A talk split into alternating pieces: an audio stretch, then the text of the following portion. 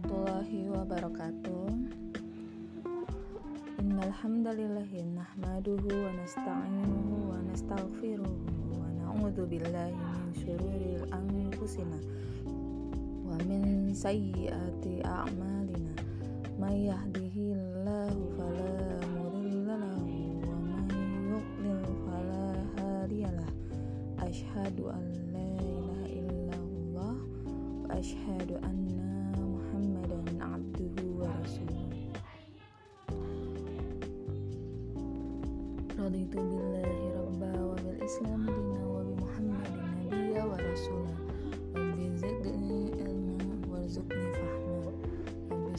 sahri sadri wa yassir li amri wa hlutani lisani yafqahu qawli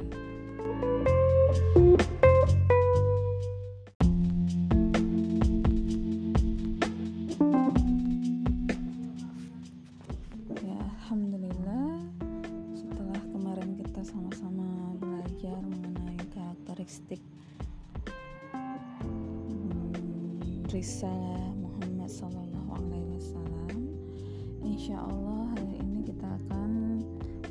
membahas tentang kewajiban kita kepada Rasul Sallallahu Alaihi Wasallam. Nah, di sini kita memiliki tujuan kenapa kita mempelajari mengenai kewajiban kita sebagai muslim terhadap Rasul Shallallahu Alaihi Wasallam.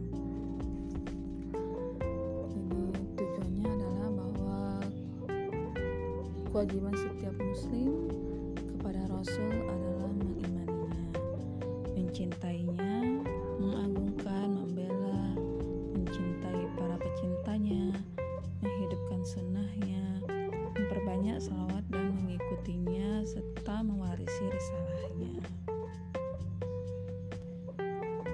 Tujuan yang lain ialah bahwa setiap orang muslim wajib untuk membenarkan apa yang dikabarkannya, dikabarkan oleh Rasul Shallallahu Alaihi Wasallam, mentaati semua perintahnya, menjauhi apa yang dilarangnya, dan tidak dikatakan beribadah kecuali dengan mengikuti syariatnya.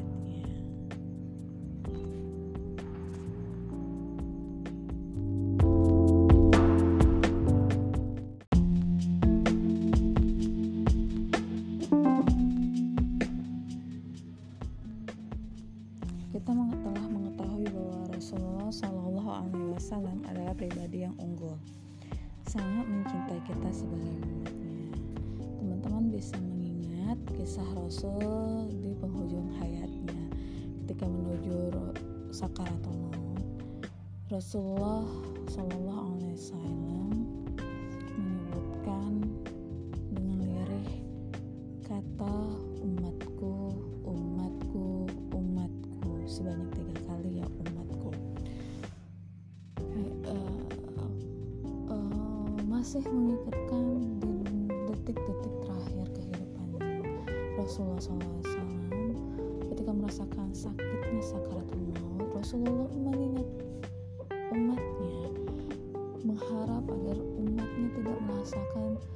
kesakitan yang dialami beliau ketika sakaratul maut. Masya Allah ya. Kita ketika jatuh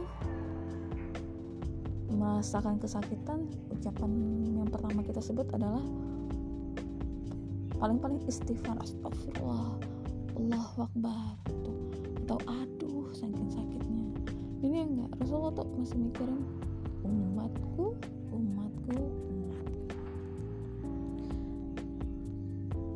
beliau juga telah menghabiskan umurnya untuk membimbing manusia.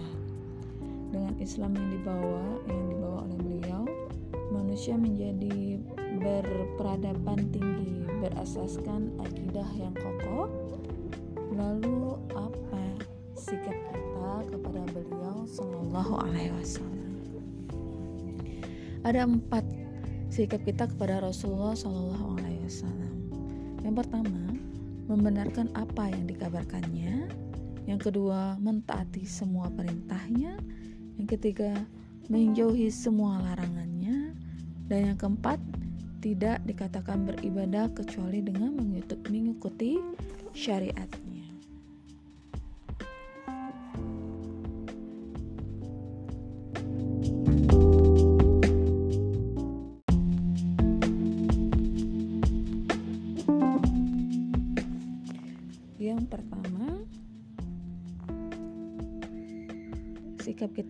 Rasul Shallallahu Alaihi Wasallam adalah membenarkan apa yang dikabarkannya. Beberapa prediksi Rasul Shallallahu Alaihi Wasallam yang belum terwujud, belum belum wujud dan pasti akan wujud. Yang pertama adalah penaklukan ibu kota Vatikan Roma. Yang kedua, penghancuran Yahudi di satu tempat. Yang ketiga, kembalinya khilafah yang bermanhaj kenabian dan lain-lain. Jadi khilafah di sini maksud maksudnya adalah konteks pemimpin muslim ya. Seluruh dunia yang memimpin muslim ya. Bukan organisasi atau nama lembaga lainnya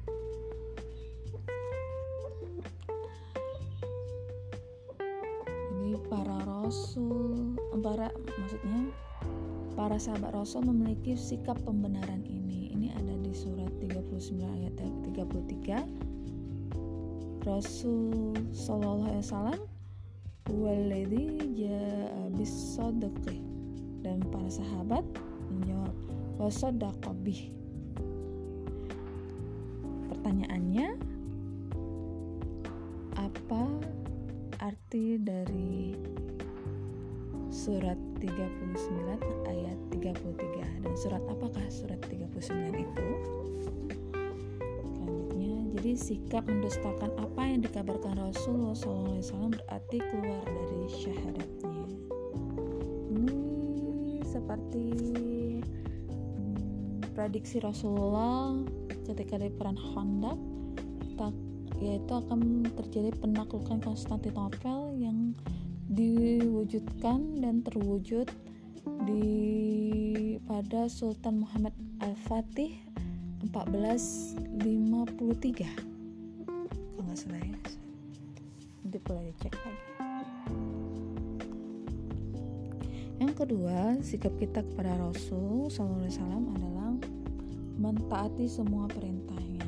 Ta'at itu fima amar karena perintahnya pasti benar dan baik untuk individu ataupun masyarakat untuk dunia maupun akhirat.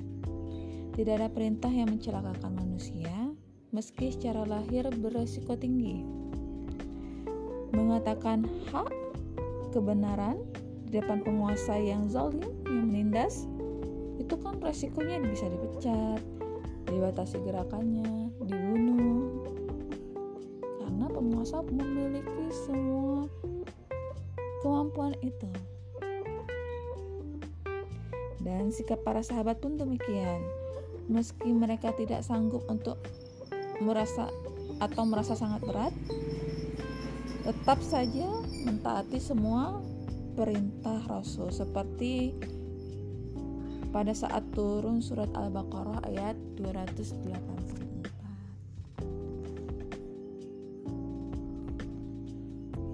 Sikap responsif sahabat mencapai derajat yang tinggi sehingga menjadi ciri khas mereka.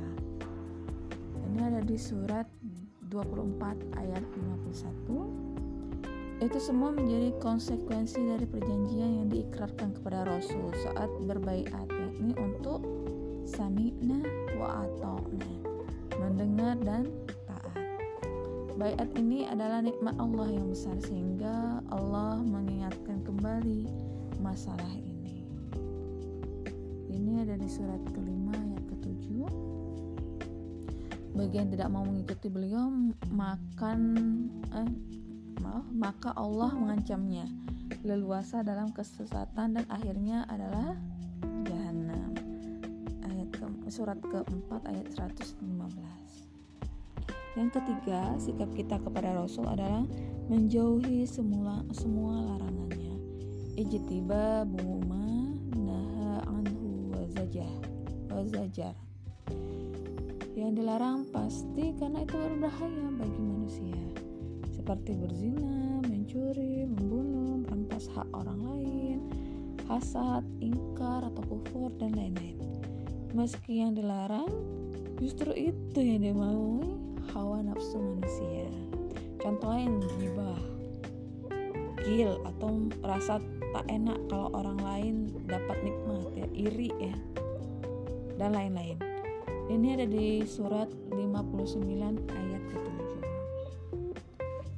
dan sikap kita kepada Rasul yang keempat adalah tidak dikatakan beribadah kecuali dengan mengikuti syariatnya la na'budullaha illa bima syara' Dua syarat penting diterimanya suatu ibadah amal adalah ikhlas dan ittiba. Jadi ikhlas adalah realisasi dari la ilaha illallah. Ittiba realisasi dari Muhammad Rasulullah.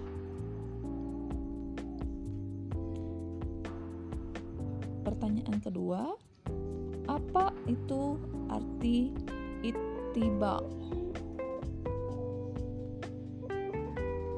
jelaskan aja ya pengertiannya. Kita lanjut. Saat menafsirkan surat ke-67 ayat 2 Ahsanu amalah Fudal bin Iyad berkata akhlasuhu wa aswabuhu. Yang paling ikhlas dan paling sesuai dengan syariat atau sunnah. Salatlah kamu eh, Salatlah sebagaimana kamu melihat aku sholat ini ada di hadis riwayat Baihaqi.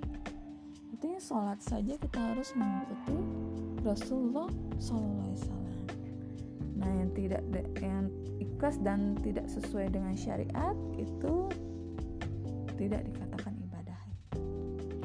Jadi banyak yang mengklaim bahwa cara sholatnya lah yang paling benar padahal cara sholat doa ruku sujud iftitah tahiyat dan lain-lain ada beberapa macam, bukan hanya satu seperti anggapan sementara kelompok tertentu.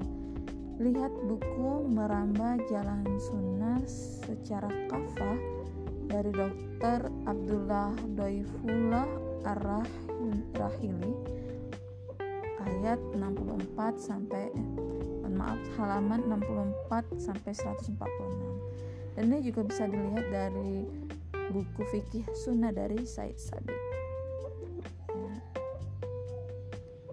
doa, sujud, iftitah, tahiyat itu ada beberapa macam ya teman-teman dan itu ada di fikih sunnah.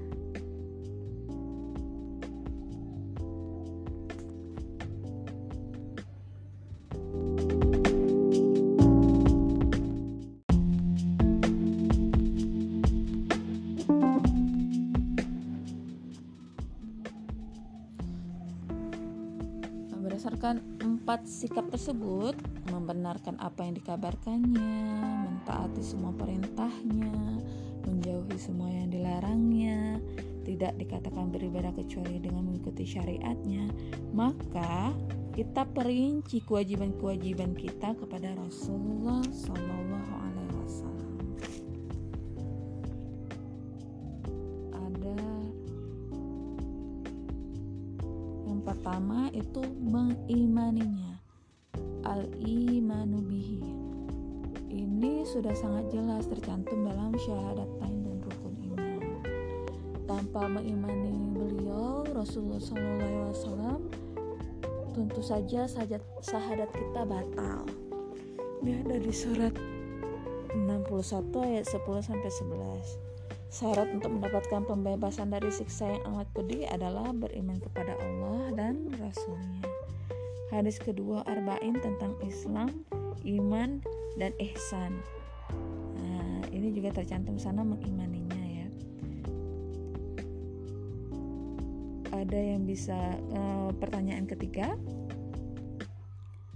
Hadis Arba'in kedua yang kita pernah pelajari tentang iman eh, Islam, iman dan ihsan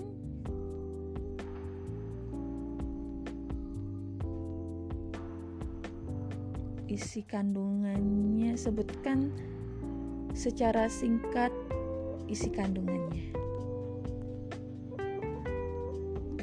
Yang kedua, eh, kewajiban-kewajiban kita kepada Rasulullah SAW secara rinci adalah setelah mengimaninya adalah mencintainya mahabbatuh cinta yang bukan sekedar simpati curhatan hati atau rindu tapi sampai ke tingkat mesra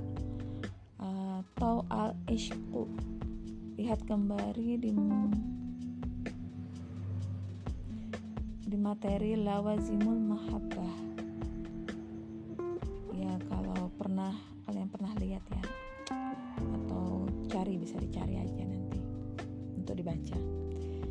Sahabat Umar radhiyallahu anhu an pernah berkata kepada Rasulullah SAW bahwa Rasul adalah yang paling dicintainya dari segala sesuatu kecuali dirinya. Rasulullah SAW meluruskannya, tidak beriman seseorang di antara kalian hingga menjadikan aku lebih dicintai di sisinya dari dirinya sendiri. Hadis riwayat Ahmad.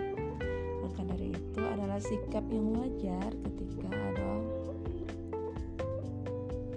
orang lain menghina Rasulullah SAW adalah sikap yang wajar jika merasa sedih dan kecewa sekaligus marah pada perasaan setiap muslim ketika ada orang yang menghina Rasulullah Wasallam dalam berbagai macam bentuk penghinaan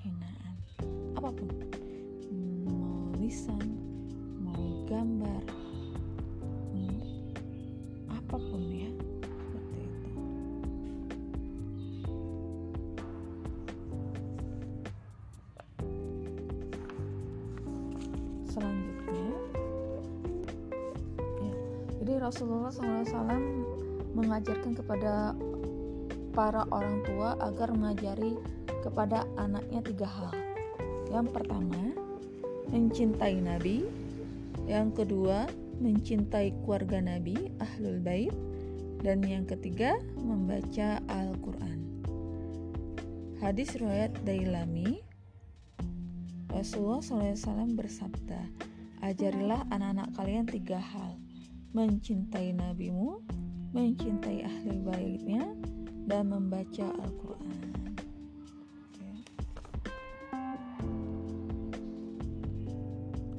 Yang ketiga, mengagungkannya. Takzimuhu. Tentu penghormatan dan pengagungan tidak melampaui batas seperti orang Nasrani terhadap Isa alaihissalam ya menjadikan Nabi Isa alaihissalam sebagai Tuhan ya terlalu berlebihan. Nabi SAW tidak eh, suka jika ia datang terus para sahabat pada berdiri untuk mencegah untuk mencegah pengkultusannya. Jadi kalau Rasul datang tidak perlu berdiri ya mencegah sahabatnya untuk supaya tidak langsung mengkultuskannya dan menghormat mengagungkannya secara berlebihan. Tapi saat perbuatan itu dilakukan antar sahabat, beliau tidak melarangnya. Jadi kalau di Rasulullah sangat berhak hmm, melarang jika Rasulullah datang para sahabat berdiri. Nah, namun kalau ada para sahabat lainnya yang datang dan berdiri, beliau tidak melarangnya ya. Seperti saat Ka'ab bin Malik menemui Rasulullah setelah tobatnya diterima. Ini turun surat ke-9 ayat 117 dan 118. Maka salah seorang sahabat Talha bin Ubaidillah berdiri menyambutnya dan menjabat tangannya mengucapkan selamat. Cara Imam Bukhari menghormati Rasul adalah tiap beliau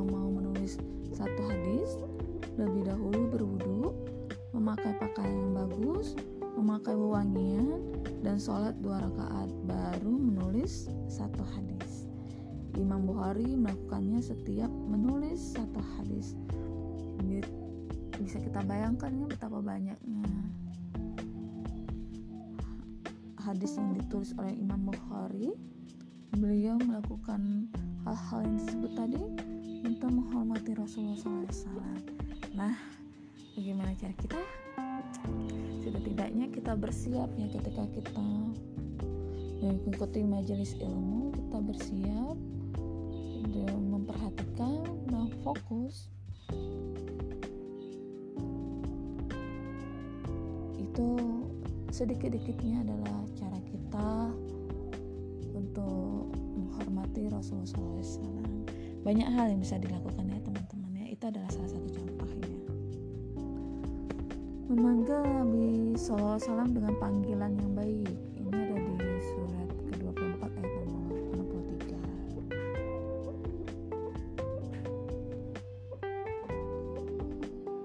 Buya Hamka dalam tafsir Al-Azhar mengutip pendapat Syekh Muhammad Rashid Ridho terhadap ayat ini.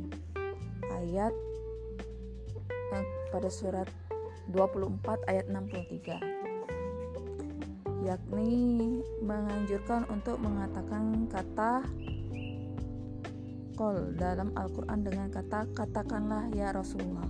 Bukan katakanlah ya Muhammad pertanyaan selanjutnya apa arti dari surat 24 ayat 63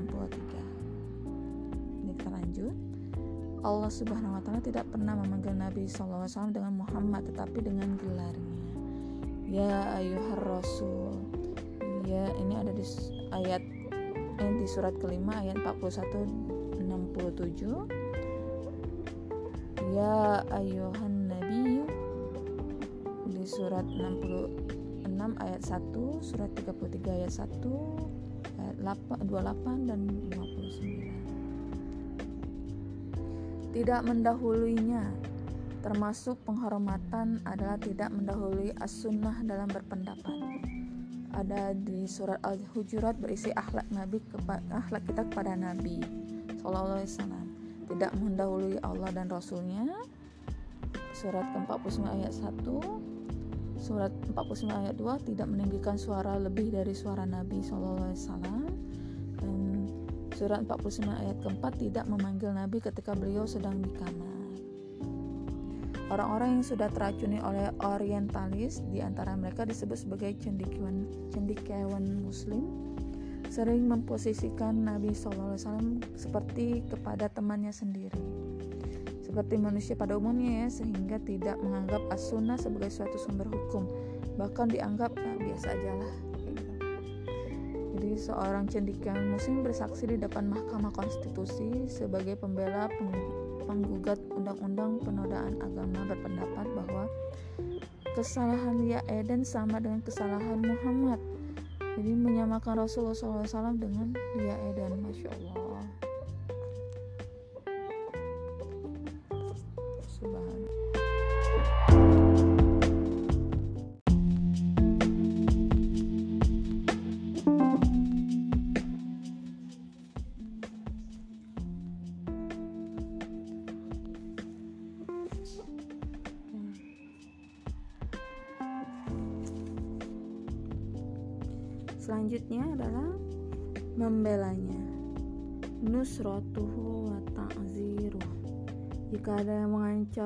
Atau menghinanya kita wajib membelanya.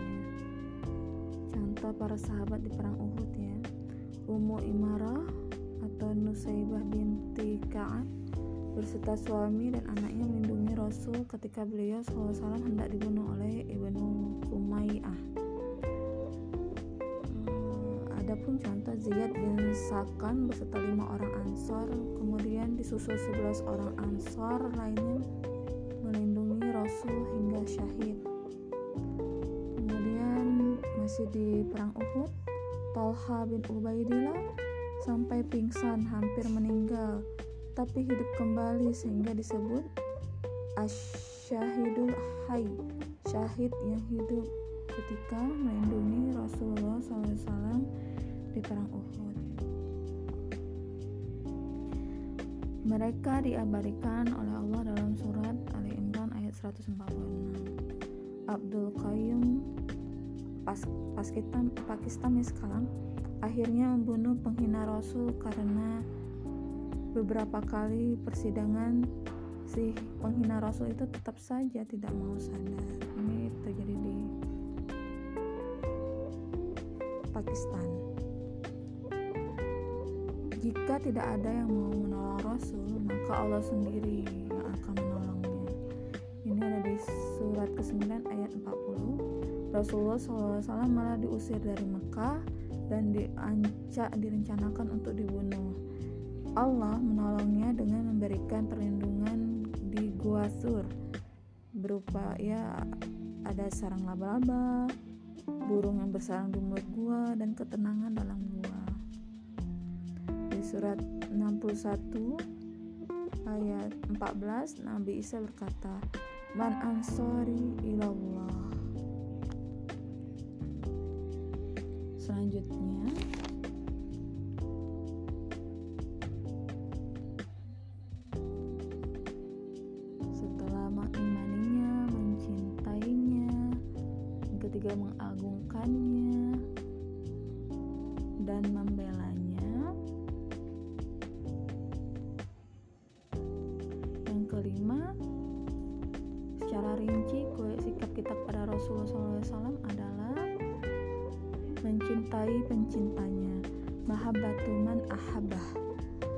antara kesalahan fatal syiah yaitu menghina sebagian besar sahabat. Padahal para sahabat adalah pembela dan pencinta Rasul Shallallahu Alaihi Wasallam. Sudah seharusnya kita pun harus mencintai mereka. Para ulama memiliki adab agar dalam menyebut nama sahabat diikuti oleh doa radhiyallahu anh artinya semoga Allah meridainya dilarang membicarakan pertentangan antara antar sahabat dengan menganggap mereka lebih rendah dari diri kita. Di ayat di surat 48 ayat 29 Allah memuji orang yang bersama Rasul dulu dan seterusnya. Yang keenam secara perinci sikap kita kepada Rasul adalah menghidupkan sunnahnya ihya'u sunnatih pada saat ini menghidupkan sunnah banyak tantangannya karena banyak sunnah yang sudah terkubur baik sunnah besar maupun sunnah yang kecil-kecil. Bagaimana kita makan, minum, tidur, bertetangga, bertamu, dan lain-lain. Apakah kita selalu mendahulukan yang kanan kalau melakukan kebaikan? Ini nampak sepele, padahal ini sunnah Rasul. Nabi SAW memecat orang yang membenci sunnah Nabi. Dalam hadis riwayat Bukhari dan Muslim, Rasulullah SAW bersabda, Siapa yang membenci sunnahku maka bukan termasuk golonganku, termasuk jenggot ya. Jadi teman-teman ada yang tidak menyukai sunnah Rasul berjenggot, itu sangat fatal teman-teman ya jadi jangan kalau orang yang berjenggot itu jangan ditentang ataupun diejek. Kalau ada teman-teman yang berjenggot ya atau siapa pun di keluarga yang berjenggot itu salah satu upaya mengikuti sunnah Rasulullah SAW bila perlu didukung. Kalaupun tidak rapi jangan jangan diejek. Ya atau diolok-olok. Apa pun ya. Begitu pula dengan makan dan minum duduk. Dan eh soalim udah. Memang itu sunnah rasul why not? Ya orang-orang yang menyeru kepada as-sunnah banyak yang meninggalkan sunnah yang lain. Yakni dalam cara menyeru manusia. Lihat di buku merambah jalan sunnah secara kafah bisa dilihat di situ teman-teman kalau mau baca. Memudahkan membid'ahkan bahkan menzindikan para ulama yang saleh. Itu ada seperti di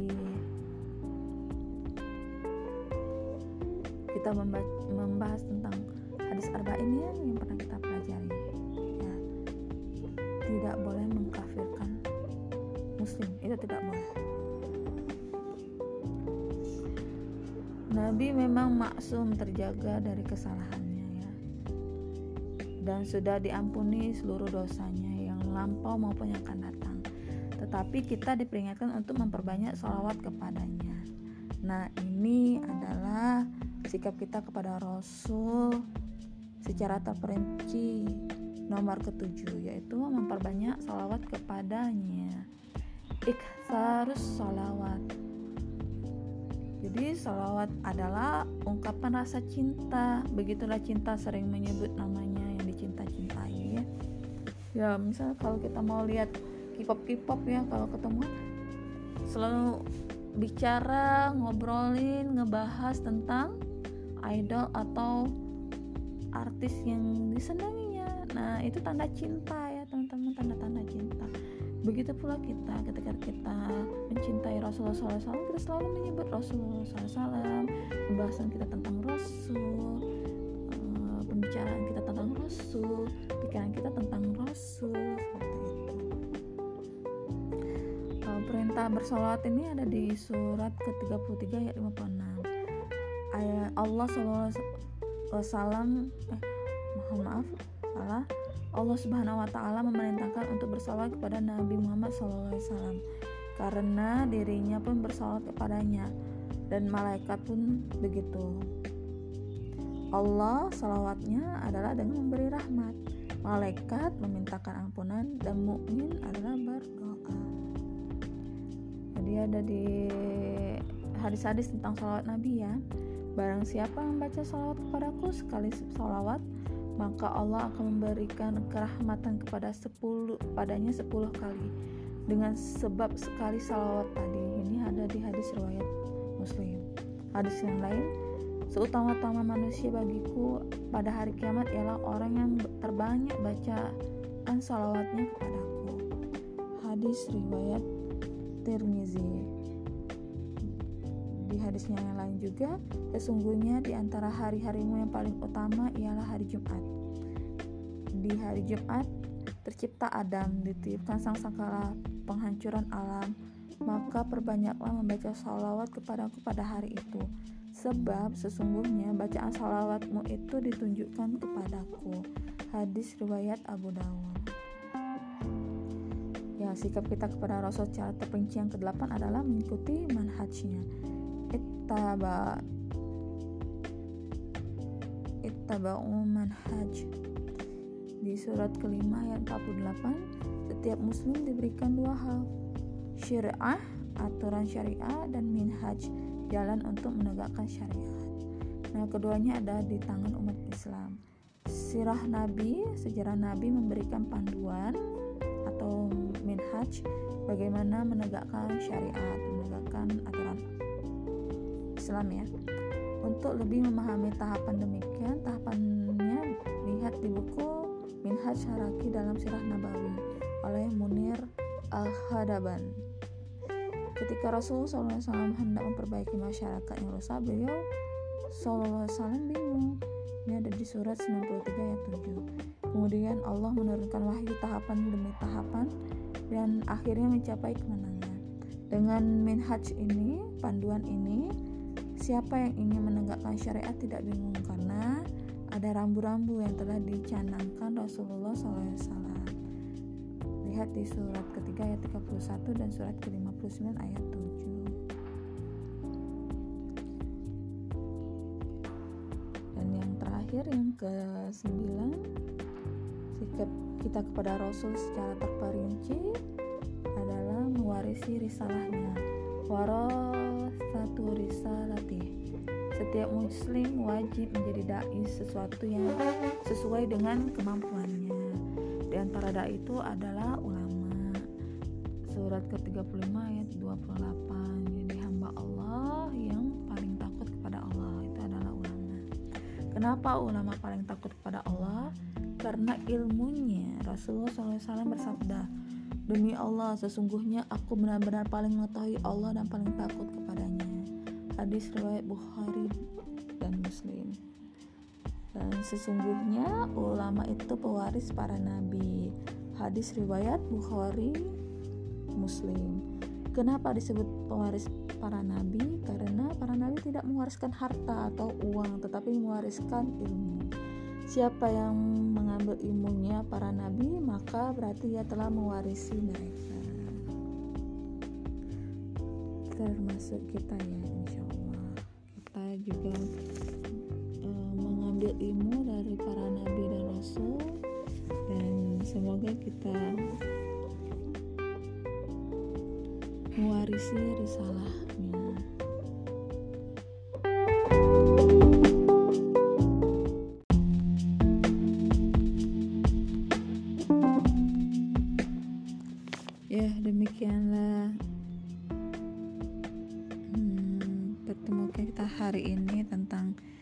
Kita kepada Rasul.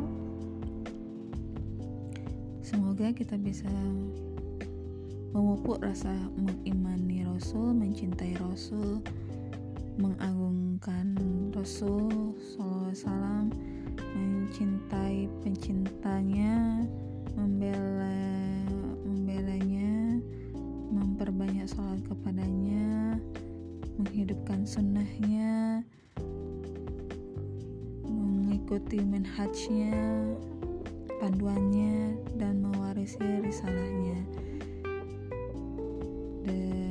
Itu adalah sikap kita kepada Rasulullah Shallallahu Alaihi Wasallam. Semoga kita mampu dan terus memupuknya itu sehingga rasa cinta kita pengagungan kita penghormatan kita semakin bertambah bertambah setiap hari bertambah berkembang.